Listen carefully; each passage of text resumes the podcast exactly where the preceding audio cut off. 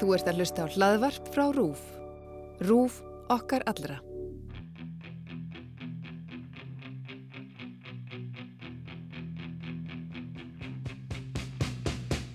Þá er henni lokið dulafullu sögunni af hólmafyrði og andláti Margreðar.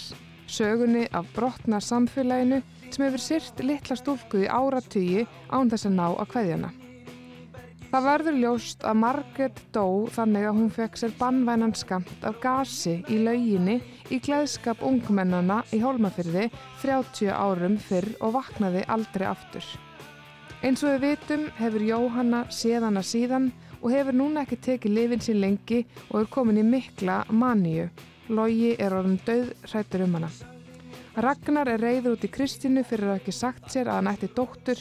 Matti getur ekki tala við Lilju eftir hann komst að skildileika þeirra. Þegar Jóhanna lætur sér svo hverfa er Björgunarsveitin kölluð út. En þá saminast Kristín og Ragnar aftur og þau vinna saman í að reyna að finna Jóhannu. Það er svo Lilja sem er næm eins og amma sín sem áttar sig á því að Jóhanna er komin upp á fjall, upp á fjall þar sem hún einmitt finnst, fullu viss sem hún getur flóið. Henni tekst auðvitað ekki að fljúa þó hún reyni, hún lifir fallið þó sem betur fyrir af og tekst að segja Kristínu dóttur sinni að enginn kenni henni um dauða Margreðar. Þá loksins getur Sál Margreðar fengið að kvíla í friði. Nú höfum við samsagt séð loka þáttinn og þá varði ég auðvitað að fá að ræða við leikstjóra vitjana. Hanna Efu Sigradóttur sem margir viðmælendu mínir hafa ymmit verða mæra í öllu þessu ferli. Hún sagði mig frá ymsu, einaldi sem hún var fyrir grunnskóla, óvæntri dvöl í Tjekklandi sem hefði mikil áhrif á hana, barnaláni og auðvitað vitjana ferlinu öllu sem ekki er endilega alveg lokið. Heyrum meira af því, heyrum í Efu.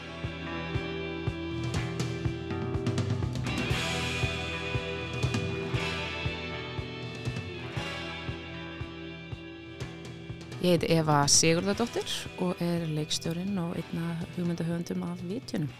Herri, til hamingi með hana frábæra þetta og núna hefur já, mjög stór hluti þjóðurinn að setja limtu í skjáin síðustu áttar sundarskvöld og nú er þetta bara búið. Við fengum loksins að sjá sögu lok, að þessara seri, allavega hérna hjá vinum okkar í Hólmafyrði. Þetta var rosalega dramatískur lokaþáttur. Já, mér fannst ég fá svona ákveðin svona lókun sem ég þurfti á að halda en ég var líka alveg hágrátandi yfir senin á fjallinu og okkur svona. Það var markmiðið mínu náð. Já, akkurat. Þú tétast að græta allan á mig og ábyggla mjög marga aðra. Allan bara... eiginmannin minn, hann er mjög, hann er mjög góður hérna, mæli hverði á hvort þið er að gera hlutin rétt, því að hann, hann grætur yfir efninu mínu og þá er ég alltaf, yes. Ok, er stutt í svona almennt séð? Stittra hjá honum en hjá mér, við hlægum ofta þig. Einmitt, einmitt. Þannig að grætir þú hann ekki í svona bíómyndum? Jú, jú, mm. en, en kannski ekki eins mikið og, og hann steina minn. Hann, en þú veist, þú voru að sé My Girl og þú mannst alveg eftir því að fara að gráta, skilju. My Girl, já, já, já, já og öruglega annað á þriði og fjórða skipti sem maður horfið á þá mitt já, já, ég er með tilfinningar Já, ok, gott, það er alltaf að koma á hrein það Eva Sigurðardóttir, leikstur og framlegandi er með tilfinningar. Yes. ef einhver var efast um það, en ég held að enginn sem var að sé þættin að geti að efast neitt mér rosa mikið um það.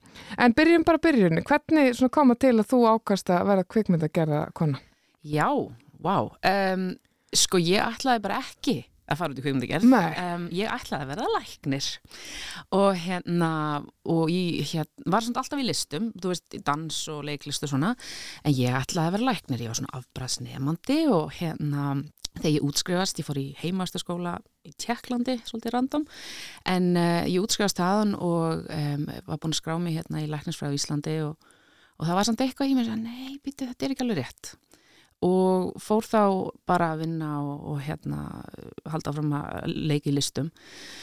En pappi minn var aðeins að vinna í kveikmyndagerð og allt öðruvísi en ég er að gera í dag. En það var svolítið ástæðan fyrir ég ætlaði sko ekki Já, ekki verður svo pappi sko. Nei, nei, nei, nei, alls ekki, ég ætlaði að gera eitthvað allt annað. Og hérna, en á sama tíma þá var hann að þá að framleiða og leikstýra stuttmynd Já. og ég slóst aðeins í vinnu með honum í því að, að, í framlegslu og svo endaði með að klippa þessa mynd og þá svona fann ég og, og, og gæti viðkjönda ok, við erum kannski líkar en ég held Mhm.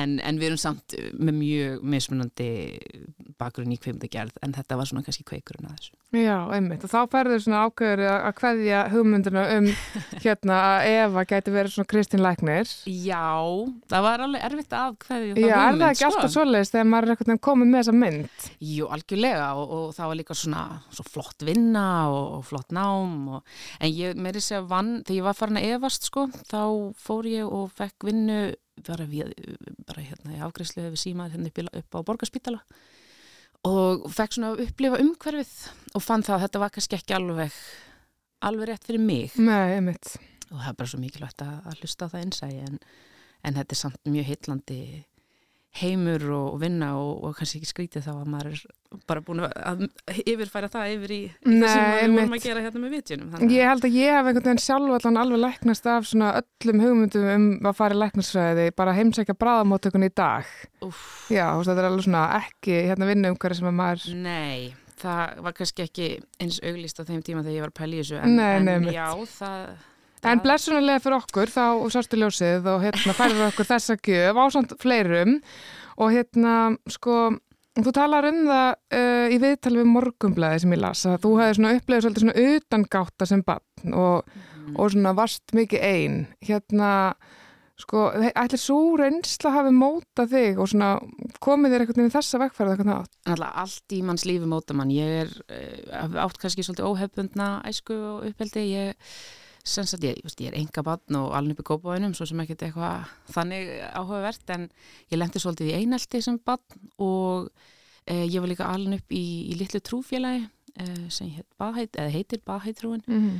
eh, fólkdur mín er ennþá í því í dag ég svona, er ennþá sálf leitandi en hérna þetta hafi pottitt eh, mikil áhrif á mitt líf bæði ákvaðu neikvægt en það gerði mér svona öðruvísi mm -hmm. veist, ég var alltaf svolítið öðruvísi en allir hílinn krakkarnir og svo eftir mikið einelti þá um, býðist pappa mín um vinnu, hann var líka kennari. Um, í Tjekklandi heimavæstaskóla þar. Ég náttúrulega bara, já, mér langar með þetta átti að vera svona svona ævintýri. Mm -hmm. og fórum í eitt ár og eftir það þá bara fekk ég smá breyk, fekk að upp, upplifa svona skólaumhverju sem að ég var ekki undir. Um, og þetta var líka bara mikið æfintýri og hérna ég endaði með að klára mentaskóla þar. Pappi kom aftur heim. Í Tjekklandi? Í Tjekklandi, okay. ég var þar í fimm ár. Greið mamma mín ætlaði ekki að missa yngabarnið eh, 13-14 ára. en hún bara hafði ekkert valin það þarna þegar þú fundið svolítið þar. Já, þetta, ég er rosa mikið svona æfintýra gjörn og þarf að pröfa allt og sjá allt og, og ég er svolítið að flýta mér í gerðin lífið og hérna þetta var náttúrulega bara eitthvað nýtt og spennandi og þetta kannski hefur verið stæðst ákvörðunin sem hafði áhrif að mig að því ég náttúrulega kynnist fólki allstar á heiminum um, fólk sem kemur úr mismunandi fjölskyldum og, og áherslum í þeim fjölskyldum og enda svo með því að fara í nám í Breitlandi út frá þessu þegar ég lóksins átti að maður ég ætla ekki að vera læknir um, og bjóð þær on and off í 15 ár mm -hmm. þannig að ég er svona hvað segir maður, citizen of the world þú Já, veist, ég er íslendingur en ég er algjör útlendingur og... Mikið heims, heimsborgara kona um, sem er ábygglega líka gott til þess að vika svolítið svona sjóndeldarhingin þegar maður er í þessum listgera, þessar kveikmyndið að gera Algjörlega og bara það að hitta alls konar fólk með alls konar veist, hugmyndir, það er náttúrulega bara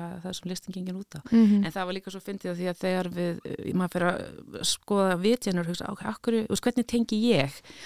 Þá, þá hérna, tengi ég svo mikið við Kristín að flytja aftur heim, mm. nema fyrir mér er smábæri minn Reykjavík. Já, akkurat. Það var að flytja aftur heim fyrir mér var eða Kópavórun en hérna höfuborgsvæðið, það var litlu bæri minn og ég, svona, ég skildi, ég, ég, ég tengdi við það að vera í þrótti og hérna koma aftur heim og leita til fóröldra og hérna það var ekki að veikla litla þorpi. En sko ég er pæla varandi einelti að því að þú veist einelti hefur mjög oft þær afleggingar að, já, að sjálfströst er svolítið svona bara niður. Mm. Uh, en þú þarf, maður þarf rosalega mikið sjálfströst til þess, get ímynda mér allavega að fara að leikstýra. Já. Hvað er eitthvað lífsleginu? Fannstu það í Tjekklandið? Nei, sko, áhugavert, maður er svona, vá, maður er aldrei hugsað út í sjálfan sig svona. Mm um, ég, veist, eins og margar er með byllandi imposter syndrom, svo fræga, þess að ég, ég stundum bara, hvað, veist, má ég gera þetta, er ég nóg góð?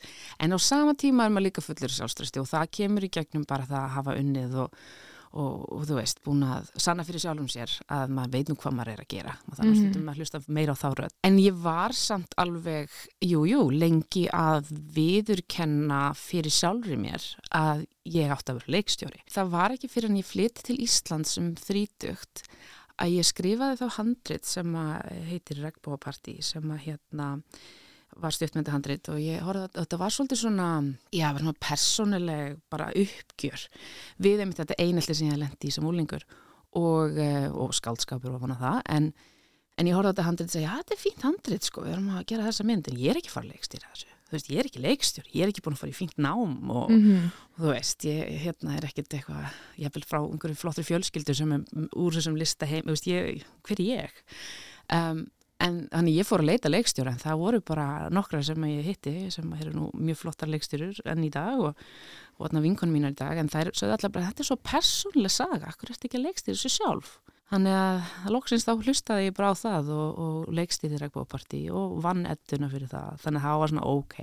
Ég geti þetta þá. Ég geti þetta og ég mhm. má þetta, Já, veist, það var mm. einhvern veginn, það er þessi miskilingur, maður þarf að vera búin að gera allt og læra allt áður en maður bara tekur stökkið sko. Akkurat, um, en þú um eitt leikstir þessari mynd og þú varst á þessum tíma þú er greinlega, er mjög virk manneski þú er unnir og svo mikið um, en svo hérna gerist það það svona mér svolítið yfir þig að þú ferði eitthvað svona sem að, já, maður mæti kalla kulnun eða eitthvað slikt. Bara var kulnun? Já, þú bara vannst yfir þig eða hvað? Já, ég var þannig ennþá að framleiða uh, og uh, stopnaði fyrirtæki sem heitir Askjaföln sem er með framleiðandi af vitjunum og var að framleiða og framleiða og framleiða en líka reyna leikstýra mm -hmm. og e, var þarna bæði búsett í London og Íslandi fram og tilbaka, fram og tilbaka og var að vinna æðislegum verkefnum og, og þú veist, það er bara svo mikið skemmtilegum verkefnum af listafólki sem að kemur tíma og bara já, ég vil gera þetta, ég vil gera þetta þetta er kannski smá aðteglisbrestur og hvað því sem ég mér bara já, ég vil bara segja já öllu mm -hmm.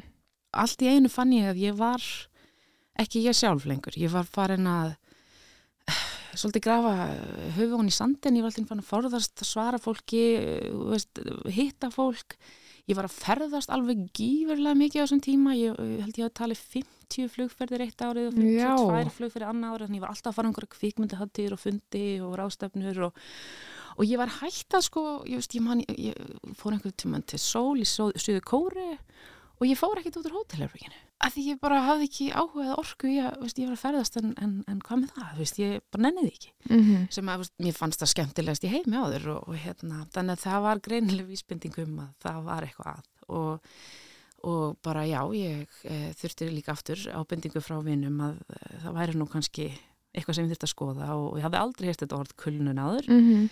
en það var sko heldur betur það sem var í gangi og, og hérna og ég mig, ég tók ári í pásu sko um, sem að maður var náttúrulega alveg rosa hrætt um að myndi skemma allt, allan ferilinn mm -hmm. en ég var mjög glöð þegar ég fann ástriðina af kveikmyndagerð koma aftur Emmeit. og það var eftir þetta og í þessari endurhefingu að ég svona ákveða að eiginlega hætta framleiða og einbeta mér bara að leikstjórn og, mm -hmm. ég er bara mjög heppin að það hefur gengið, þú veist, ég fekk bara leikstýra seríunni sem ég var náttúrulega búin að vera að þróa lengi með, með kolbrunu og völu þannig að svo kom ekki eitthvað allt í einu en, en það, eh, það hefur verið hægt að vera leikstýri þannig að Sko það hefur ótrúlega mikið gæst þessum tíma og, hérna, og þú egnaðist þarna bara einn og sko á ótrúlega stuttum tíma ertu svo komið með mann og rísa fjölskyldu Já Og hund og kött, skils mér. Kolpa. Já. Já, ég, ég sérst í kulluninni þá eh, svona líka spyr ég mig hvað skipti mig máli og ég vissi að ég vildi eignast batna fjölskyldu og ég hafði verið einhleip í svona tíma og það, maður getur svo ekki töfrað fram maka en ég var að degja tíma sem kona og, og einmitt ákveða eignast batn bara með aðstof vísindum mm -hmm. með sæðiskjafa frá Danmarku og eignast þarna svon minn Aldaringa um, bara eins og svo kallur einstök móðir mm -hmm. Ég er mjög stolt af því. En já, svo kynnist ég manninu mínu Steinar Bjarka uh, þegar svonum minni fjagra vikna. Já, emitt og hann hefur náttúrulega bara skengið í föður uh, bara hlutverkið mm -hmm. bara eiginlega frá fyrsta degi. Þetta er, þetta er svolítið klikkuð saga og maður eiginlega átt að segja ekki á því hvernig þetta gætt gerst.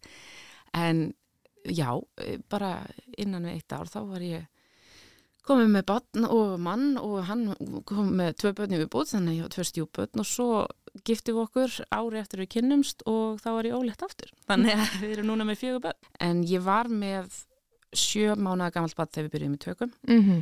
og framlegendirnir í Glassriver bara síndi því fullanstöðning Já. og það skiptir svo miklu máli og Algjörlega. það er ekki alltaf í bóði fyrir kalla eða konur mm -hmm. þannig að ég fekk þarna bara algjört backup frá framlegndum og þetta er eitthvað sem ég vil bara sjá áfram og aftur frá þeim og frá öllum íslenskum framlegndum að því að þetta er bara partur af lífinu Algjörlega, vonandi er þetta bara hluti af einhver ákveðni þróun og svona, mm. já, og þetta er vonandi er þetta eitthvað sem að koma skall Um, en hérna segið mér bara aðeins frá þessu ferli það er nokkur ár síðan að það hefst þú mm. hérna að ég rætti náttúrulega við Völu og Kolbrunnu handritsöfund þáttana og þær voru að segja mér frá þessari kveiki og þetta hefur farið í gegnum já, mjög marga fasa og hérna og bara mörg ára hugmyndavinni og svo bara allt í hennu er þið bara komin að sett sko og í miði COVID og ég veit ekki hvað og hvað svona þegar lítur þið farin veg þú veist hvernig var þetta ferli?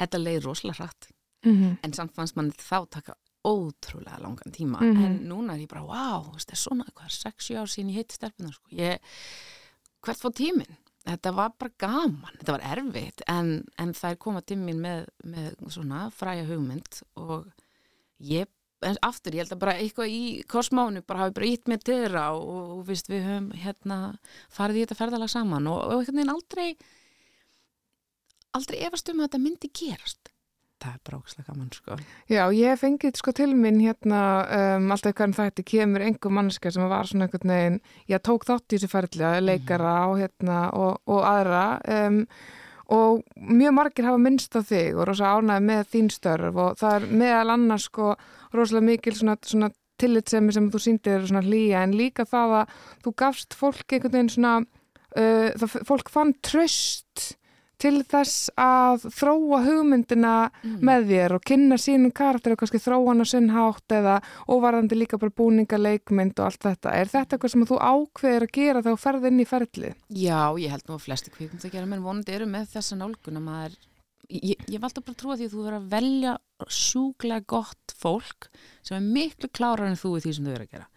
Þannig að þú veist, þú velur einmitt búningahönnuð sem bara veit miklu meira um það en þú en er til í samtalið. Hérna, ég teki eftir uh, vera svona fylgjast með svona viðtökunum og rosalega margir hafa haft orða því að þau svona eru þakklátt bæði fyrir sko, já, dýft og svona nefni í karaktersköpun um, en líka það að þeir skuli fara að þóra að fara inn á ákveðin svið og svona, svona þjóðfélagsmein og meðal annars varðandi heimilisofbeldi sem að verður rosalega svona, já, stór þráður og, og, og fyrir marga líka jáfnvel bara erfitt að horfa því þetta verður já svo svakalegt. Uh, hvernig leiði þér svona þegar þú hugsaður um það áður en þá búið sínda? Það var rosalega mikil ábyrð að segja, veist, að fara inn í, í svona sögutráð með sérstaklega heimilsofbildi því það eru bara svo margi sem hafa lendið í þessu og ég átta mig á því. Það eru mjög erfitt fyrir marga að horfa á þessa séri út af því. En, um, en það skipt okkur Kolbrún og Völu máli að, að vera ekki yfirbórskendi í þessu. Mm -hmm og, og það er, er svo frábært með serjum að mann er að fara nót djúft, mann er að kynast bæði geranda og, og hérna þólanda og, og hérna sjá margar hliðar á þessu máli og það er ekki bara e, einföld laust því þannig er, er þetta ekki. Um, þannig að við vorum alltaf bara að reyna að vera veist, heiðarlegar og, og hérna veist, segja rétt frá, ekki eitthvað Hollywood útgáfa heldur ef að, ef að svarið er það er flókið, veist, þá mm. þurftum við að sína flókna útkomi og, mm. og þetta ping-pong með heimilsofbildið það er ofbildi, hann er kannski fyrir heimilinu í stuti eða lengri tíma, jafnvel handekinn en það þýr ekki að það er bara eitthvað laust, þetta heldur ofta áfram og, og það er ást og, og fjölskyttutengsl undir líka sem að er ekkit bara allt í hennu hverf ekkert. Það sem að gerandin gerði var ótrúlega gróft. Þannig að þannig að það myndi held ég að við heyrta að tala um að sjö að, að meðaltal taki sjö tilrunir um, fyrir uh, konur held ég áttast að, að fara úr heimilsópil staðstæðum þannig að þú veist, maður tekur ekki bara eitt skipti ákvörn já, ég er bara farin, veist, oftast tekur þetta lengri og, og fleiri tilrunir þannig að við vildum einmitt bara bæði sína sko hversu flókið þetta er en líka bara hversu gróft þetta er. Mm -hmm. það var alveg, þú veist, mikið rætt veist, hversu mikið eigum að sína hversu ljótt má þetta vera og það var svolítið ákvörðin hjá okkur annarkvort sínum við þetta? Eða við sínum þetta ekki þar að segja við ætlum ekki að gera þetta svona halva leið. Mm -hmm. þannig að senan þar sem að hann er að, að ráðast á börnin sín er sjúklega gróf finnst mér. En þetta er bara svona gróft hjá mörgum og, og ekki verra. Þannig að við vildum ekki vera eitthvað að gera það eitthvað þægilegt fyrir áhörundan Nei, einmitt, einmitt. Og hérna auðvitað var það átrúlega sláandi og slóman eins og rosalega margt í þessar seri og var mjög áhrifamikið og einmitt þetta sko um, þessi vendum því að gagvart gerandanum og þessar flóknum tilfinningar urður gífilega áþrifanlegar og mann er tókst eitthvað einn svona skilja eiginlega alla í sínum spóru nema kannski siggar sem að mér langar ekki drosa mikið til að skilja. Uh, en hérna Um, en sko svo er annað náttúrulega rosa ríkt þema sem ég ætla að verða að spyrja úti og það er þessi draugagangur og svona handan heimar. Um, sko trúið þú að drauga? Uh, ég veit ekki hvort ég veist, ég veit það, ég er opinn ég get sagt mm. það svo leiðis ég, ég hérna, hef mikið áhuga á trúmálum og, og andlefum málum. Ég hef ekki sjálf tekið afstöðu en það var í fyrsta skipti í mínu lífi sem að ég pröfaði að fara til miðils og sliðis í þessu ferli að því ég hafði alltaf verið svona soldið skeftísk og soldið hrætt við þetta þar að segja ég hugsaði annarkvort er þetta fólk bara bull í manni og akkur vil maður bjóða upp á það eða það er sannleikur í þessu en vil ég vita þetta mm. veist, þannig ég var alltaf svona kannski best bara að láta þetta liggja mm -hmm. en svo fór ég nú og, og hérna og kynnti mér þetta og fór til nokkra miðla og það var nú bara indislegt og, og skemmtilegt og hvort þið höfðu rétt fyrir sér ekki þá var þetta allavega áhugavert og, og let mig hugsa um mína hluti og hérna og áuruglega eftir að fara aftur.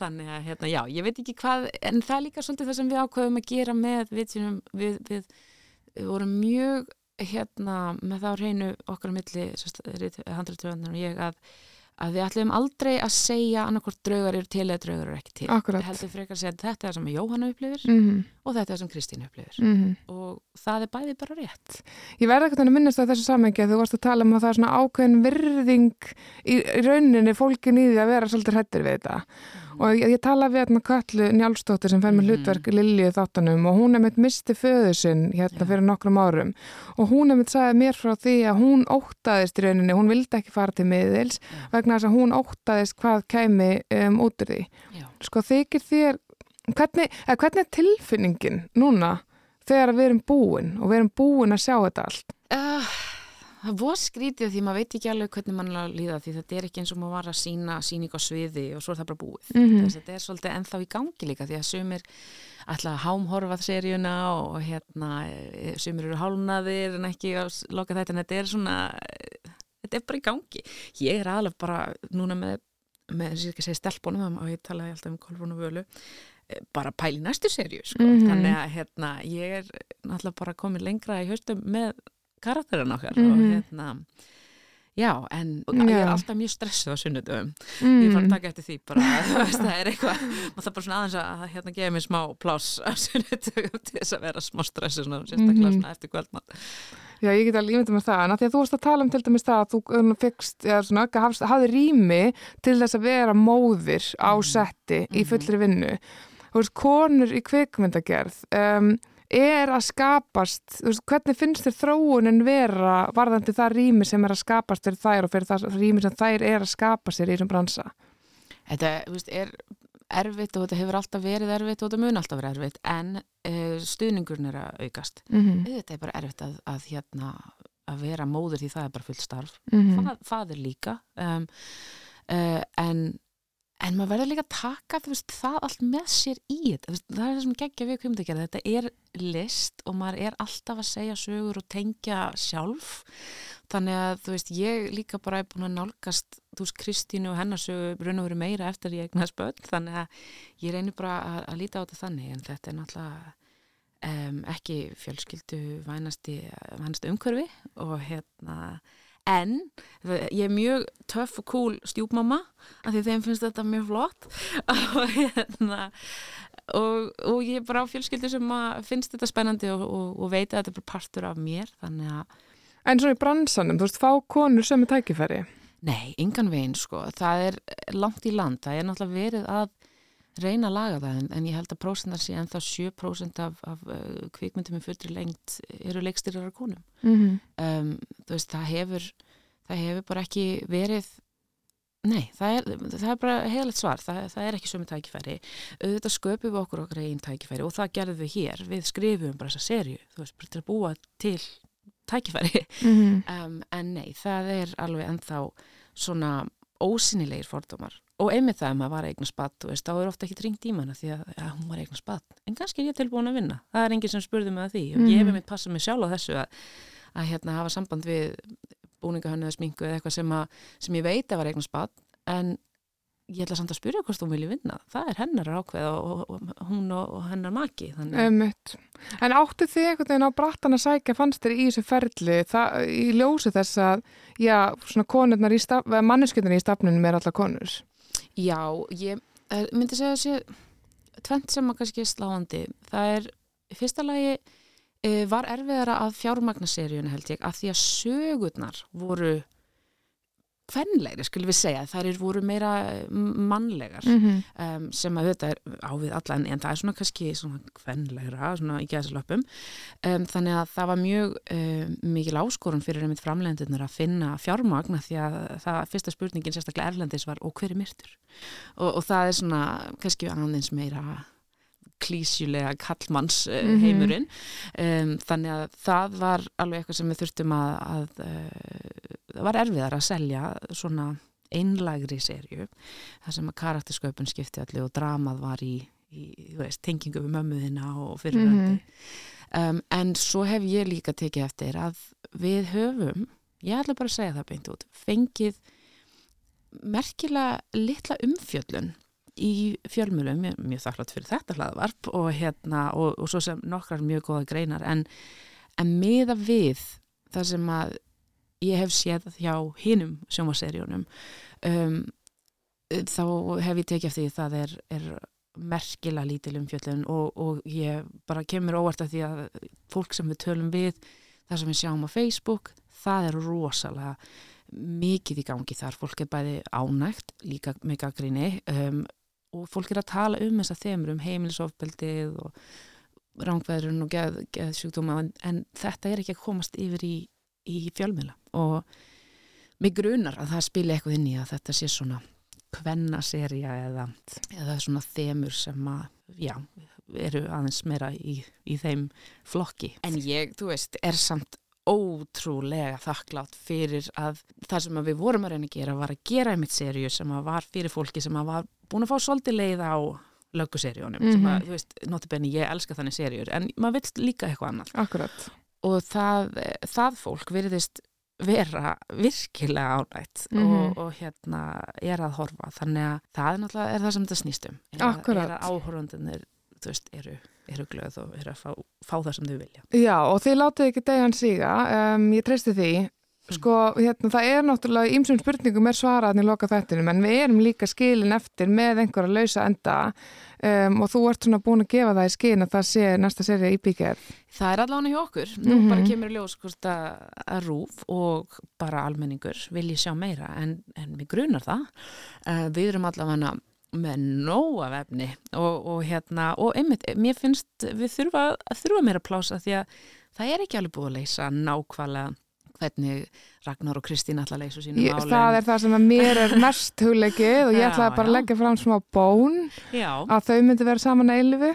Já, sjáum hvað gerist. Já, einmitt, því ég bara... En það er einmitt, þú veist, það er ekki, það er, lífið heldur alltaf áfram, uh, serían mun vonandi held áfram, um, af því það vantar sko ekki hérna þræðina til þess að, til þess að hérna fylgja, þannig að við vitum ekki nákvæmlega hvað ferður um Matt og Lilju, hvernig Jóhanna mun ná sér, hvort að hún mun sjá Margrit aftur eða, eða hvort að hún mun ná að, að hvaðja draugana eða finna lifa mm. með þeim og svo náttúrulega heilsugjastlan og hvernig við munum fara hjá þeim það er náttúrulega endalus pólitík í gangi þar og, mm -hmm. og hann á sig ekki hvernig, hvernig þið þróast þið hjá þeim og, og meira og meira, þannig að það er mikið eftir En bara svona lokum að því að verða að fara að sleppa er svona hvað er framöndan ekki bara vinnilega sér, líka bara svona hjá þér í sömur og fjölskyldinni Herru, ég var bara að klára fæðingrólof, mm -hmm. þannig að nú er ég loksins að fá tíma til þess að vinna sem að fyrir mér er bara smá frí. Mm -hmm. um, ég er eh, næstu misseri mikið að skrifa. Ég, já, við erum að vinna að seríu 2 og til fáum við að gera það. Svo erum við Kolbrún líka að þróa úlingaserju, það heitir Sumarnætur og ég er að reyna að skrifa bíó. Þannig að skrifa, skrifa, skrifa. Þannig já. Þetta verður skrifsumari mikla 2022 hljómar alltaf svolítið Já, og líka bara njóta með fjölskyldinu og bönnunum sko. En, en ég er loksins svona að, að hérna að fá tíma til þess að, til þess að vinna smá sem er mjög kærkomið eftir 7-8 mánuði í fæðingarólofi þannig að það er nú líka bara mjög gaman. Já, þannig að vera svona ákveð frí fólki í vinnunum líka. Hérna, e, Eva Sigurdóttir takk innilega fyrir að koma og takk fyrir að kynna okkur fyrir þessu magnast að holmafyrði og hérna karakterunum sem að okkur eru öllum tekist að held ég að elska af sinn hátt. Það verður erfitt að kveðja þau en við vonum að það sé ekki til frambúðar Já, takk fyrir mig og takk fyrir frábæra þætti Pétur G. Markan starfaði um hríð sem bæjarstjóri á Súðavík en hann er guðfræðimendar biskupsreitari. Pétur var auðvitað um hríð búsettur á stað þar sem skelvila mannskætt snjóflóð fjall árið 1995 og flestir Íslandingar muna eftir. Hann þekkir það vel hvernig smerra samfélag stendur saman í sorg þegar áfallverður eða missir. Í viðtalinu við mig fór hann yfir víðan völl, hann rétt um trúmál, draugagang Nick Cave sem misti són sinn og hvernig hann sjálfur sem var fyrir áfalli ungur maður að missa föður sinn öfundast enn áratugum síðar út í vini sína sem fá að verja tíma með pappa sínum. Við tölum Sufjan Stevens líka aðeins og svolítið óhugulegan fjöldamorðingja. Já, við fórum um víðan völl við Pétur sem þekkir missin og sorgina en það er alltaf stutt í húmórin og gleðina hjá honum líka. Pétur G. Markan, biskupsréttari. Eh, takk innlega fyrir að koma. Hérna, Þú ert biskupsritari fyrir um fótboltamæður. Mm. Hvernig fer svona manneski eins og þú, skilur, sem varst eins og, já, og ert enn ungu maður, en varst svona fótboltagaur, einhvern veginn í það að fara á þessa leið svona, þú fer að læra guðfræðið, ekki? Jú. Einmitt. Hvaðan, þú veist, er það ekki eitthvað svona skref sem að maður þarf einhvern veginn svona að lýsa yfir og taka með sjálfum sér að fara frá því að vera fótboltagæin í svona guðsmaður? Jú og nei sko, ég reyndar sko, ég er kannski bara alinn þannig upp að, að, að hluta til hefur trúin alltaf verið mjög raunveruleg í kringum mig, bara í uppbeldi og öðru. Ég reyndar valdi mér að fara í Guðfræði á sínum tíma, um, ég var á leiðin í lögfræði. Já, ok. Það væri, það væri ótrúlega lókis skref og fókbalskælum. Já, svona praktíst mm, skref mm, uh, og svo bara var ég eiginlega á hérna háskólatorkinu líku við þegar ég tók síðan einhvern veginn svona uppeyju og, og skráðum í guðfræði mm -hmm. um, en af sko af þekkingar áhuga mm -hmm. frekar en um, sko trún neyð á þeim tíma okay. mm -hmm. uh, fannst þetta mjög áhugavert hérna fag og finnst enn um, ég held að guðfræði getur útskýrt alveg ótrúlega margt í, í, í, í svona sögulegu samengi í verallu samengi í dag um, sem að bara gagnast og hefur sko fyrir þann sem hefur áhuga á þjóðfélagi hefur Já. áhuga á fólki mm -hmm. og þjóðfélagsgerð og hvernig mm -hmm. hlutinni þróast og myndast í sögulegu samingi og menningarlegu samingi er Guðfræði alveg bara, þú veist, ótrúlega djúsi fag Akkurat um, en ég held að sé ekki droslega skinsanlegt að leita Guði í Guðfræði Nei, þú voru ekki fundið hann þar? Um, þú veist, ég fór ekki sérstaklega til að leita að mm -hmm. Guði eða, eða trúni sérstaklega þar mm -hmm.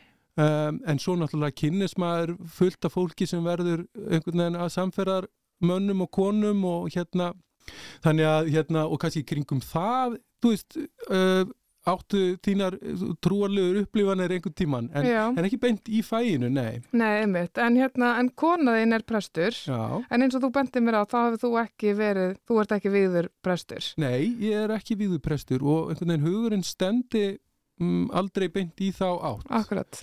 Um, og ég finna svolítið bara núna þegar ég starfa uh, hjá þjóðkirkjunni sem biskustreitari að ég hef uh, mjög víða sín yfir þjónustuna og, og, og, og ég átta mig á því að sko það er mjög mikilvægt í upphafi að átta sig á því hvort að prestarfið hendið er eða ekki mm -hmm.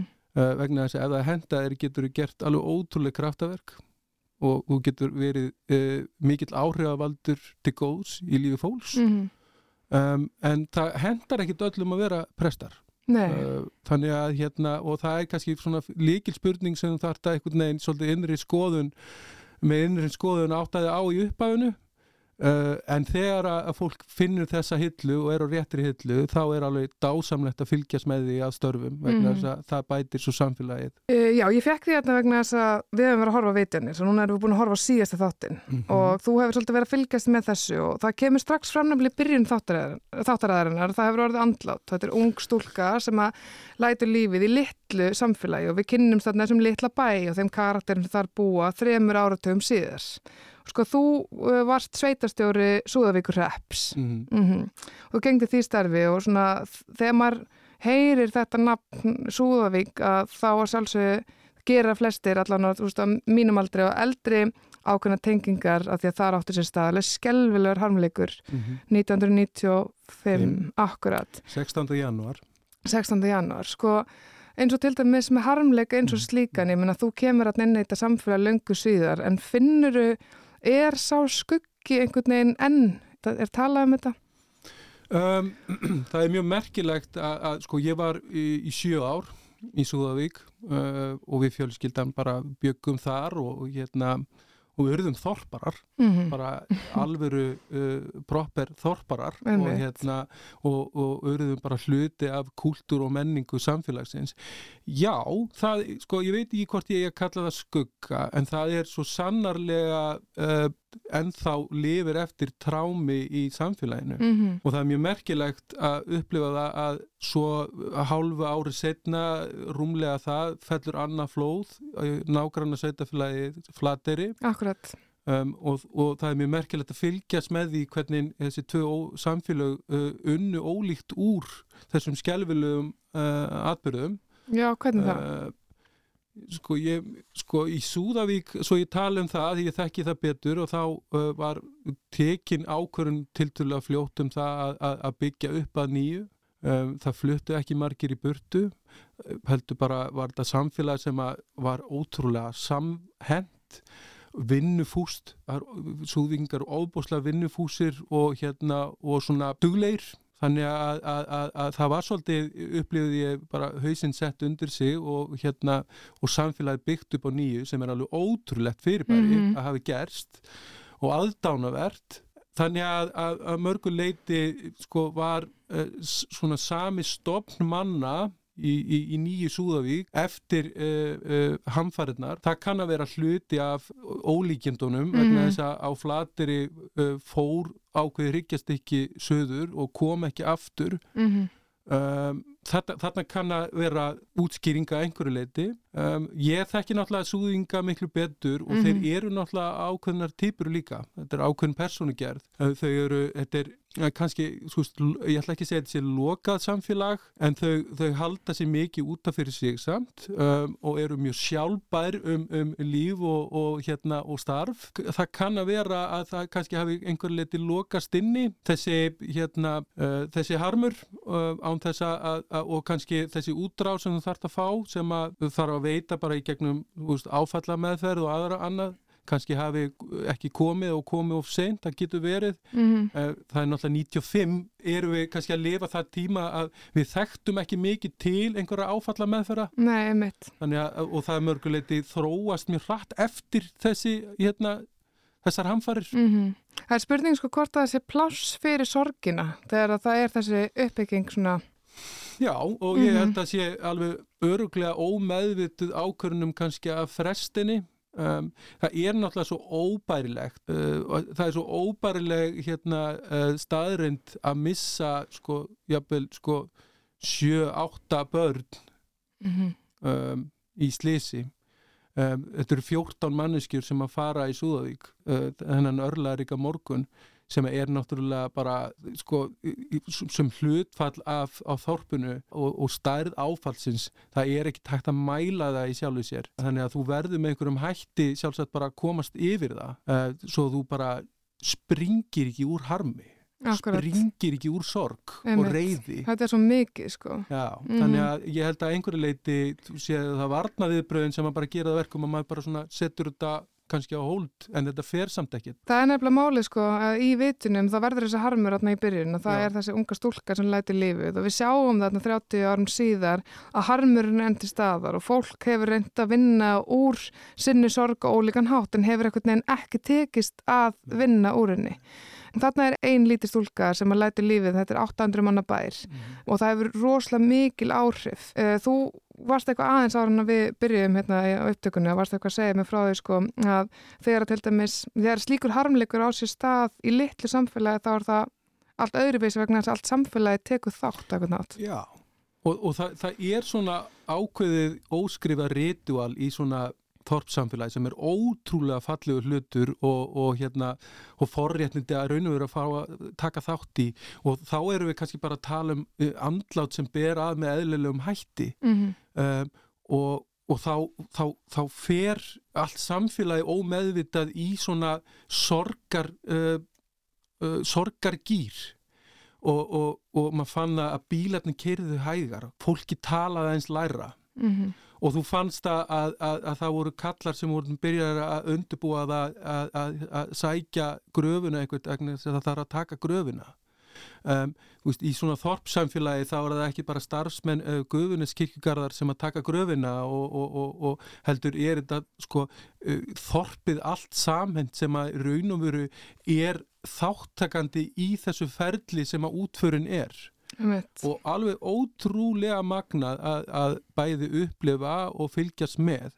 En það er líka eitt sem að maður upplifi strax í þessum þorpum. Það er að hver og einn er svo ábúslega mikilvægur fyrir framgang þorpsins. Mm. uh, nú búum við hérna fjölskyldan í Hafnafyrði og hérna og, og, það, og maður finnur það strax sko að veist, hver og einn er náttúrulega auðvitað ómetarlegur og mikilvæg en það er allt öðru vísi uh, en í litlu þorpið þegar einhver fellur frá vegna þess að hver og einn skiptur svo miklu máli vegna þess að þorpið er alltaf í tilvisastlag frá degi til dags. Mm -hmm. að því það er allir að hugsa sko er þorpið að fara að lifa af? Er, er, er okkur að fælka veist, er okkur ekki öruglega fjölga? Þetta er sko, þetta er hugmynd sem að sko fólkið vaknar upp með á mótnana og raun og eru sko sopnar með á kvöldin.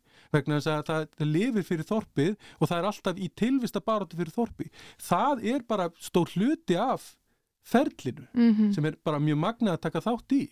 Í þessu þorpi sem við kynnum til þáttunum að þá, það er svona ákveðin svona hugmyndafræðilegur svona ágreiningur eða svona núningur, ef maður getur sagt sem svo. Það eru allir í þessum, þessum litla stað, holmafyrði, sem verður alltaf til eru eiginlega allir rosalega mikið í spiritisma og svona andatrú og, og það eru alvar á sveimi og, og, hérna, og það er verið að kalla á framleina og framleinar eru bara einhvern veginn hluti af lífinu og hérna og náttúrulega það er þessi margret, þessi unga stúlka sem lætur lífið sem heldur einhvern veginn áfram að verða hluti af lífið þeirra. Og það er eins og fadur hennar talar um í síðasta þættinum, hann segir ég fekk aldrei tækifæri að sirkja því að sárið er alltaf rifið upp að því að hún mætir hérna aftur og aftur og svo er hins vegar Kristín Læknir sem kemur einhvern veginn, kemur á Reykjavík og hennar leið til þess að takast á við hann harm er að fara inn í þessa rosalega vísindahyggju og, og fara að lækna aðra. Mm. Um, finnur, þú, finnur þú fyrir því til með svo varðandi ja, svona trúmál, eru þau ríkari einhvern veginn í minni samfélagum, eru fleiri hérna svona handanheimstrúar og, og svona álfa og, og slikt?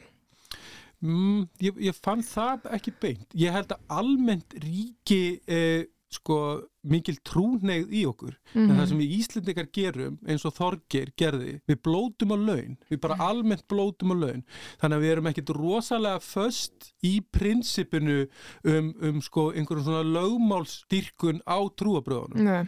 Þannig að við erum alveg tilbúin að hafna lögmálinu en það ríkir í okkur uh, trúar neyð alls mhm. konar, mm hvort sem að það er Uh, veist, einhver handanveruleiki látina uh, og við sækjum til miðla til þess að ná til þeirra eða álvar uh, eða, eða bara minna, það tók okkur til dæmis rosalega stuttastund að einhvern veginn að færa jókasenuna til dæmis sem að veist, hefur verið að reyðast þetta rúms í miklu andleri vítir en hún almennt gerist annar staðar mm. og við erum svona þreyfa svolítið á Indlandi og hérna mm -hmm. á þeim slóðum og tökum svona austur trúabröð inn í, inn í þá senu að þetta er mjög stert og ríkt í okkur mm.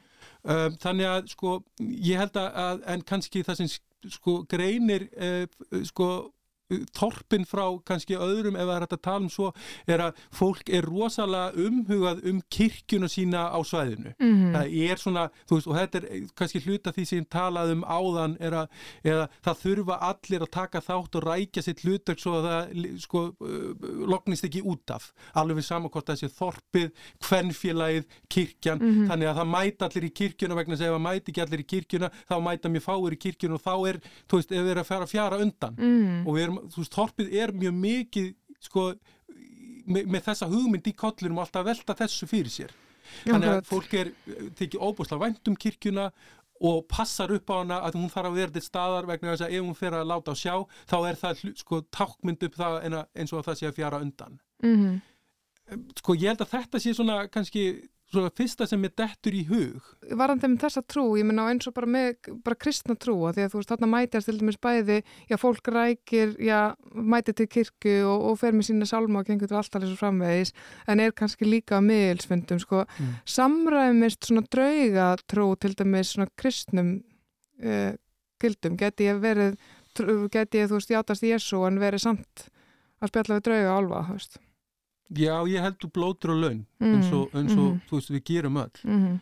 og, og þetta er ofið í hérna, í, í, í bara okkar kristnu arfleð, það er það og, og svona það sem að stundum við kalla spiritismi hefur alveg sko fyllt mörgum prestum í kirkjunni gegnum tíðina um, og, en þarna eru við náttúrulega og, en við verum líka átt okkur á því að, að sko, þú veist, spiritismi eins og við þekktum kannski í upphafi 20. aldar og í lok 19. aldar einhverstað þar er náttúrulega bara form af sálgjæslu líka mm -hmm. Veist, við erum að tegja okkur til þessum sirkir og segja að veist, við getum hérna við getum spjalla við hinn látna þurfum ekki að rjúfa sambandi alveg strax og veist, þetta eru náttúrulega einhver leiðir, leiðir til þess að umvefja þann sem að er að springur harmi sko. svo við bara nákvæmlega. notum þau orð Einmitt. en það sem hefur kannski líka gerst í, í, í, í sko í guðfræði og í kirkjunni og, og þessari fagmentun sem að prestar búað um, þegar þeir nálgast fólk er, er þessi ríka krafum sálgjæslu mm -hmm. þannig að prestar í dag eru með mjög mikla mentun í sálgjæslu sem bara fagmentun þar sem þú nálgast þann sem að er uh, að upplifa áfall og harm uh, eftir raun og veru svolítið kerfisbundnum leiðum sem að, að mörgu leiti getur við sagt vísindin hafa kent okkur prestur í dag sem nálgast sirkjanda, hann mætir viðkomandi, þú veist, ekki á hans sko trúalegum forsöndum heldur á þeim forsöndum að hann er sálgætir, hann er sálgæslega aðeli mm -hmm. og hefur mhm. fagmentum sem slíku svo bara metur hann viðkomandi hvar veist, hann liggur með sínar trúar hefðir, mm -hmm. ég, mhm. ég myndi útskýra þetta svona Þegar að skyndilegt andlát svona einhvern veginn uh, verður um, og þú veist, maður hefur heyrt að séða, ég hef ekki lemt í því sjálf sko, en maður hefur bæðið séða í frásögnum og heyrt frásögnum frá fólki og séði bara bíomundum og þá kemur prestur. Þú er til staðar þá fyrir þá sem að sirkja þá sem er í áfallinu og slíkt. Mm -hmm. Er presturinn til staðar í áframhaldandi vinnu fyrir þann sem er að springa á þessum harmi? Já. Ég held að það sé hérna uh, líkilatriði í, í, í líf og starfi presta er að þeir fylgja fólki eftir þetta er kannski sá veruleiki sem við, við sjáum ekki e, ofinberlega mm -hmm. um, það er það að, að prestar eru að fylgja fólki í viðtölum og í raun og veru í gegnum bóðaföll lífsins uh, alla daga um, en, en þetta er ekki ofinber uh, eða ábyrrandi þjónusta þetta er ekki messa það sem að allir sjá hérna prestin þjóna fyrir alltari og þetta er bara ofinber samkoma mm -hmm. um, þetta er það sem að allir prestar í dag í Íslands eru einfallega, veist, ég, ég fullir það að sálgjæsli viðtöl eru 70-80% vinnutíma presta okay. að fylgja og svo bara ekki bara uh, dauða áföllin heldur líka bara þessi óbáslega áfalli lífinu að fólk skilur mm -hmm. uh, og fólk, fólk upplifir tráma í, í samböndum og kemur oft uh, til prest sem svona fyrstu skref en svo er líka náttúrulega oft sem að prestar vísa síðan beint á aðra fag aðila mm -hmm. um, en þarna liggja leiðirnar til uh, prestana og þjónustu kirkjunar, má segja. Sko sem manneski sem hefur verið hérna í þessu samfélagi 35 ár, ég myndi ekki segja að ég var mjög meðvitt eins og segir þetta sér þú veist kannski ekkert eitthvað svona eins og mikið yfirborðinu en þú veist ég veit ekkert hvert ég ekkert að ringja þú veist get ég bankað upp bara í minni hverfis kirkju og sagt bara ég þarf, vil fá að tala um prest Eða, já. já. Okay. Og, þetta og þetta er náttúrulega einhver leiti sérstaða þjóðkirkjunar sem stopnunar og nú þekk ég þetta bara að því ég hérna var í sveitafélag bransanum áður en ég fór í kirkjuna og, og þekki stopnana umhverfi og ríkistopnana umhverfi landsins. Sérstaða þjóðkirkjunar er að við erum með starfsfólk út um allt land, hálskólmenta starfsfólk sem einmitt er ægir og sinnir þessari þjónustu. Þannig að mm -hmm. þegar þú ert á fórsöfn þá eru við með háskólamentaðan starfsmann sem er bara þar og býr og, og sinnir þessari þjónustu er hlut af þorpi uh, og, hérna, og, og tekur erfið samtöl og er síðan á þorrablótunum og lætur gera grína sér og, hérna, veist, og er síðan með guðstjónustunum um jólinn og allt þetta. Það er engin ríkistofnun sem er með háskólamenta starfsfólk og raðar því út, út um alland hvort það sem er, er, er sko, byggið þétt eða dreift. Mm -hmm. Uh, ekki eins og við byggðastofnum á sjensi í, í þjóðkirkjunum hvað þetta var þetta er algjör sérstaða mm -hmm. um, og prestar í dag og, og sérstaklega eftir því sem að kannski veist, nýjar kynnslóður koma þeir eru einfallega bara með uh, mikla fagmentun til þess að nálgast fólk á þeim stað sem það er mm -hmm. trúarlega sé og í þessu samingi þá er mjög gott að nefna að sko, þjóðkirkjan spyrði aldrei um aðild að þjóðkirkjunni. Hún spyrði ekki hvort þú sért skráð í þjóðkirkjuna og annað, þjóðkirkjan spyr ekki hvort þú trúur á Guð. Það er ekki það fyrsta sem að presturinn segir við þig, uh, mm -hmm. trúur ekki alveg öruglega og Guð ferði, þú veist, eru við ekki öruglega sammála um þrenningakenningun og trúagjátningun. Mm -hmm. Það er ekki þannig. Þannig að hérna, það, ég þarf ekki að sanna að ég er heima í Guðs ríki Nei, eftir minn dag. Og þið er ekki að fara að taka einhverja Jakobsklímum trúna þú og presturinn. Sko. Nei, okay. bara, þið, þið bara hittist á þeim stað sem þú ert og mjög oft er það þannig að fólk leitar til presta og djákna þegar að það eru að ganga þegar það er að ganga í gegnum einhver bóðaföll í lífinu mm -hmm. þú veist það er mjög sjaldan sem þú bankar upp að presta segir bara þú veist ég vaknaði dag og ég er rífandi hamingisum en, en hérna en þú gerir það þegar, þegar að, eitthvað mm -hmm. er mhm, að mm -hmm. og þá mætir viðkomandi prestur og þjóttkirkjuna er á þeim stað sem þú ert Ok, þetta er bara, bara mjög gott að vita og eitthvað sem að til dæmis manneskjur eins og já, Jóhann og Kristín í þáttunum vegna þess að þegar við komum að lokum að þá kemur í ljósa að Kristín hefur sko burðast um með svona, hvað ég segja, samvinskupið eða eitthvað slíkt, gagvart því sem kemur fyrir og hefur einhvern veginn aldrei um, farið í þá vinnu uh, til dæmis að fyrirgefa sko sjálfur sér eða viðukenna og samþykja að það er ekki hennar sög það sem gerist. Já, já, já. Er þetta eitthvað sem að, já, sko, hefði hún leita til til dæmis, þú getur fengið aðstofa við að komast að? Já, já, já, þetta er náttúrulega, ég held að það sé grundvallar atriði í, í, í, hérna, í allir í sálgjæslu og bara, svo, svo förum bara aðeins víðar, ég held að það sé grundvallar atriði þegar við nálgum skort annað í samtali og einhverjum líður illa er að, er að viðkomandi átti sig á því að hérna, ég skrifa nú bakþánga um þetta um daginn að sko varandi tíman og annað að sko vestasálardópið er eftirsjá og hérna að kenna sér um það liðna sko. mm -hmm. þegar maður næri einhvern veginn veist, að nulla sig á staðnum og líta fram á við en það þýðir ekki, þú takir ekki ábyrð á fortíðin nei, nei, einmitt, einmitt. Um, þá nærðu þú veist, vopnum þínum aftur, skilur ekki og þá nærðu tökum á tímanum, þú veist og hann verður vinuðinn aftur, sko mm -hmm. þetta sé öruglega eitthvað því, eitthvað því sem að náttúrulega uh, sé mjög mikilvægt að nálgast og hún er kannski örlítið að upplifa í loka þettinum mm -hmm. en svo er þetta með sálgæsluna og, og missin og allt þetta, við vorum að ræða þetta áðan að það er svo, það er svo það er þetta nálgast speki um sorg og harm og, og, og missi í, í sko alls konar hlutum og veist, ég var bara að segja frá, ég var að lesa bref sem að Nick Cave, tónlistamæðurinn og hérna og já, svo stórkostlegi maður hafi skrifað þegar að hérna hann hafi mist 14 eh, ára strákin sinn og mm -hmm. hérna hann er að skrifa sér frá einhverju leiti áfallinu um, og hann er að lýsa tilfengum sínum og hann er, þú veist, Nick Cave er mjög trúaður en, en, en hann er líka mjög gaggrinn á kirkjunu og hann er á þessum veist, óljósa stað trúar og, og trúleysis mm -hmm. og svo ég segi það, stundum trúar og, og hann er að upplifa hérna, útskýra tilfinningarnir sínar gagvart uh, strákinu sinu þegar hann segir sko að, hann er strákurinn með honum á mótnana og, og hann ræði við hann í hádeginu og og hann er svo raunverulegur þú veist, eh, setni part dagsins þegar hann er að ljúka upptökum í stúdíu og hann er í hugan þegar hann fyrir að svo á mótna nefn kvöldin.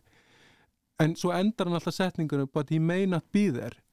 Um, og ég tengi, þú veist, þetta, þetta svo ótrúlega einlega fallega hérna bref við einmitt svolítið þemað í þættinum um, sem er sko, er Veist, er Margret litla veist, til staðar hana eða ekki? Veist, mm -hmm. er, hún, er þetta, þetta geðróf mm -hmm. og, og síndar upplifun veist, ástandsins eða er hún hana um, og þetta er svo ótrúlega áhugaverð uh, uh, nálgun að því ég held að við öll eigum tilfinningar þar sem að, að, að, að við hugsum um einhvern látin og einhvern sem er farin og við erum með einhvern harm sem við erum að gera upp og harmurinn er mjög nálagur, hann er áþreifanlegur. Hann er bara hreinlega þannig að þú getur bara sko rent eftir útlínunum mm -hmm. harmsins. Ég fann þetta svo stert í þessu stórgóðslega brefi sem að Nick Cave skrifar að, að hann endar alltaf þetta, þessa línu sko, he may not be there, það er þetta óljósa hérna svæði mm -hmm. sem að, að ég held að sé bara allir upplifi á mörgu leiti í svona ástandi sko.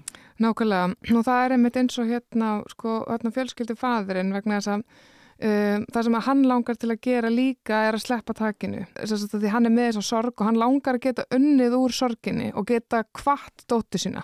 Já. en hún, hann hefur ekki 30 ár fengið tækifæri til að kveðja hana vegna þess að konan hans er sífælt í samtali við þessa mannesku sem hann sér ekki á staðnum. Þannig að það er líka sko stundum kannski getur verið áreikstur á milli þeirra ólíku leiða sem að þú ferð til þess að vinna á þunni sorg. Og ég held að sko þú veist væntalega líkilina þessu er einmitt að veist, eins og bara með held ég allir í hafmyggju mannsins sko, er tjáning sko, veist, að geta tjáð sig um, um, um ástandi og þarfir og, og, og geta þá í raun og veru samræmt sig að einhverju leiti mm -hmm. veist, það er útrúlega merkilegt hvað tjáning er í raun og veru svona grundvallar forsenda hafmyggjuleitar mannsins sko.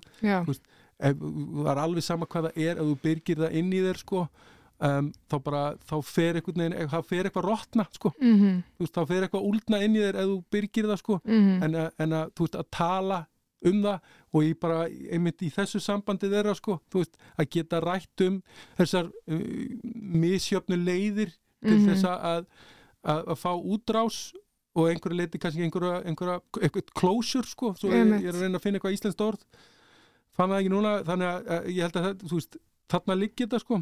Veist þú persónulega þegar eins og í brefinu á Nikkei, veist þú hvort að þú trúur því að fólk sé ennþá hjá okkur eða ekki? Ég, veist, ég, ég held að sé einfaldast að vísa í einn reynslu. Ég mm -hmm. misti pappa minn þegar ég var uh, rétt árið 17 ára uh, og, og því fylgja náttúrulega bara alls konar tilfinningar og alls konar uppgjör í lífinu og ég er 41 ás og ég er ennþá í raun og veru í, í, í uppgjöri, skilur ekki pappaleysins mm -hmm. um, og ég fæ meira segja 41 ás uh, ég fæ svona alveg sko blúsandi öfundar tilfinningu út í vini mína sem að eru þú veist að sísleika með pappa sínum en það dag í dag og jáfnvel öfundar tilfinning sem getur bara byrst í því að ég get orðið leiðilegu við þá mm -hmm. þú veist að þeir eru að sísleika með pappa sínum um, alveg og þessar tilfinningar fara líka alveg út í það að sko ég á bara e, sko heilu og hálfu samtölinn við pappa minn mm -hmm. uh, bara á venjulegum degi um, oft er maður að brjóta heilan um einhver flókin mál eða er í flókinu stöðu þá bara á ég heilu og hálfu samtölinn við, við pappa mm -hmm. sem að dó þegar ég var sko rétt 17 ára um, og hugmyndin er sko er hann aðna eða ekki sko um, já, í samtalenu mm -hmm. svo alveg augljóslega um, að mér finnst sem þú geta þreifað eftir útlínunum sko. mm -hmm. þarna, þarna held ég að, að, að þú veist, ég held að segja í, í þessum málum er lang bestundum að bara vísa svolítið í eigin reynslu og eigin upplöfun sko. mm -hmm. þetta er það er svolítið flókið að segja þetta fyrir aðra sko. Akkurat, en ef ég myndi spyrja þig þú veist, bara ég kemi til þín sirkjandi og þú náttúrulega með þína reynslu og já, kannski þína stöður líka ef ég myndi spyrja þig en er hann ennþá einna eða er hún ennþá einna þú veist, myndir ekki þetta svara ég myndi svara því, þú veist, ef ég, ég sko, nú, nú er ég náttúrulega ekki prestur þannig að ég mm -hmm. kannski tek ekki þetta fagsamtal en, mm -hmm. en við náttúrulega ræðum sorgina öll við, við hvort mm -hmm. annað.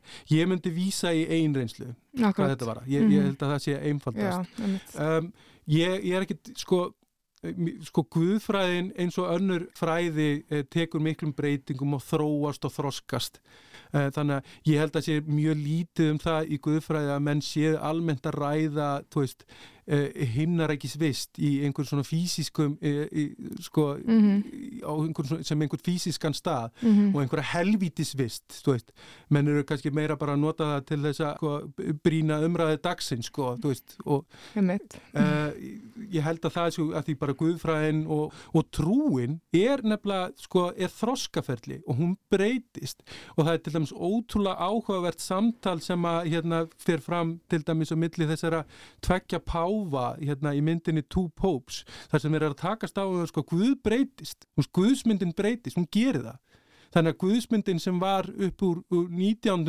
og svo upp úr 20. stöldinu og svo núna 20. Þetta er ekki sama Guðsmyndin alveg Nei, nei, og hún breytist með okkur mm -hmm. en það þýr ekki hins vegar að trúin sé ekki lifandi og raunveruleg. Já, mann finnst þessi hugmyndum þennan refsandi guð, þannig að vonda pappa einhvern veginn verður alveg mjög mikið öndanhaldi Já, og í raun og veru má segja sko að, að Kristur sjálfur afnemur lögmálið mm -hmm. sem er dæmandi. Já Þú veist, hann segir það bara sko blátt áfram reynd út að hann er komin til þess að afnema lögmálið og lögmálið var náttúrulega reglurammi, lagarammi mm -hmm. sem að menn voru dæmdur út frá. Mm -hmm. Þannig að ég held að þetta sé sko, hérna, sko alveg fundamental element í kristindómunum mm -hmm. er að lögmálið er ekki lengur sem þýðir að kristindómun hann þroska svolítið með okkur en ekki bara svona först lögmálshyggja mm -hmm. og kristindómunum gerir það, ég meina hann hefur tekið alls konar kúvendingar og, hérna, og alls konar kopnís og stundum átt góða dag og alveg átt vonda dag líka mm -hmm. þetta bara vitu við ja, en Guðsmyndin breytist með okkur að því að lögmálið er ekki til staðar veist, svona myndi sko, kristológian útskýrða þetta vegna þess að Kristur kom til þess að afnema það mm -hmm. en ég held líka að sko og þetta rýmar doldi inn í umræðu samtímas að það er svo ótrúlega gott og holdt að fylgjast með því hvað við sko bara hvað við höfum um, útrýmt mikið af alls konar pláum í samfélaginu með því að tala upp átt mm -hmm. og harstaka það Já. og bara um, svælum út alls konar skítalikt sem voru bara einhvern veginn í lokuðu rými mm -hmm. og þetta er svo gott og þetta er heilnæmt og þetta er þróskandi fyrir samfélagi mm -hmm. en það sem hefur, okkur hefur kannski ekki mistekist, mér dættur ekki huga að segja mistekist, en ég held að næsta verkefni hjá okkur hins vegar er að, svolítið, að ræða það í saman, hvað eigum að gera við hinn ómögulega hvað eigum að gera við þann sem að brítur af sér við, við, við þurfum að finna í saminningu sem samfélag einhverja leið fyrir veist, viðkomandi inn án þess að, veist, að sko, samþykja það sem hann hefur gert Emitt. og án þess að draga úr kraftunum í það sem við hefum lagt í að mm. útrýma ílvirkinu eða ofbeldinu eða, eða, eða menningarófbeldinu sem hefur viðgengist mm. í alls konar hlutum Emitt. og ég held að þar liggi einhver leiti ótrúlega áhugaverð afstafa er því að maðurinn er eftir sem áður ófullkominn mm -hmm. hann er það og við erum ótrúlega, þú veist við þurfum ekki nefn að bara speikla okkur sjálf bara einu sér til þess að átt okkur að það er margt skrítið í okkur mm -hmm. óæðilegt og það er svo geggja lína sem Sufjan Stevens syngur um í hérna John Wayne Gacy læginu mm -hmm. sem er náttúrulega bara anstíkilegast maður sem hefur gengið á jörðinni Já, trú, morðaði trúður hann Já, og hérna þegar hann líkur þessari ótrúlega fallega lægi ljóði á þessari merkilegu naflaskoðun þú veist uh, lítu undir þú veist uh, sagt, hann segir lítu undir undir, undir sagt, húsborðan eða sagt, uh, líti í kjallan hjá mér og gáðu hvað þú finnir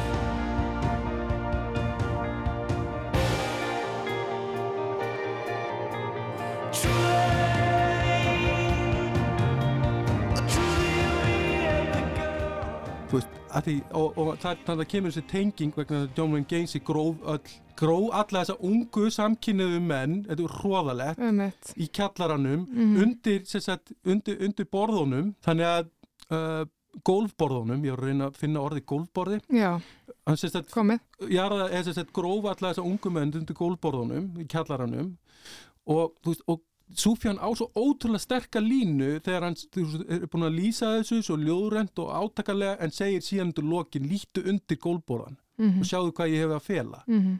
þú veist, að því það er að einhverju leiti uh, veist, mannjaskei okkur sem er ófullkomin veist, þó við séum ekki svona en, og, og, og þetta er svolítið áhugavert vegna þess að Súfjan Stevens er náttúrulega mjög uh, hann er svo undir áhrifum frá kristendómi veist, og er trúaður þó hann hérna, sé gagrin líka á það. Veist, og það, það er þetta að líta á veist, þetta í svona ákveðinu ákveðinu guðfræðin. Er þetta ekki svolítið svona sáðið sem syndlaus er? Ég er bara nákvæmlega sama element, mm -hmm. það er mhm, það. Nákvæmlega, Ná, ég verða að sleppa þér, ég gæti tala við þig í svona sjöklugtum í viðbót en við eigum það bara inni, hérna ég ætla bara að spyrja að lokum bara þegar við erum búin að fara í gegnum já, þessa sorg og, og mannkinn og trú og ég veit ekki hvað og hvað Hérna, er eitthvað skemmtilegt framöndan þegar sögumar? Ég ætla að eigða uh, 14 dögum í Berlín. Já. Þannig að það er rosa mikið á dagskráni, mm -hmm. það er mhm. mikið um að vera í kirkjunni, en ég ætla að segja það frá því að ég ætla að vera 14 daga ágilaus með fjölskyldur minni í Berlín. Ég vona innilega að það takist og þér takist að setja, já, svona hérna störfinast til liðar og hérna og bara njóta þinn í famni fjölskyldunar og vonandi að vera sól. Takk fyrir það. Takk fyrir komuna. Þá komið að endalókum í síðasta sinn allavega í byli það sem þátturinn hefur lokið göngu sinni hér í spilara Rúf og öllum hlaðarpsveitum en líka á skjánum. Ég held þá áfram að vera með vitjanir og heilanum og vonandi þið líka. Takk fyrir að fylgja mér á þessari vekkferð. Þanga til vonandi bara næst. Takk fyrir mig.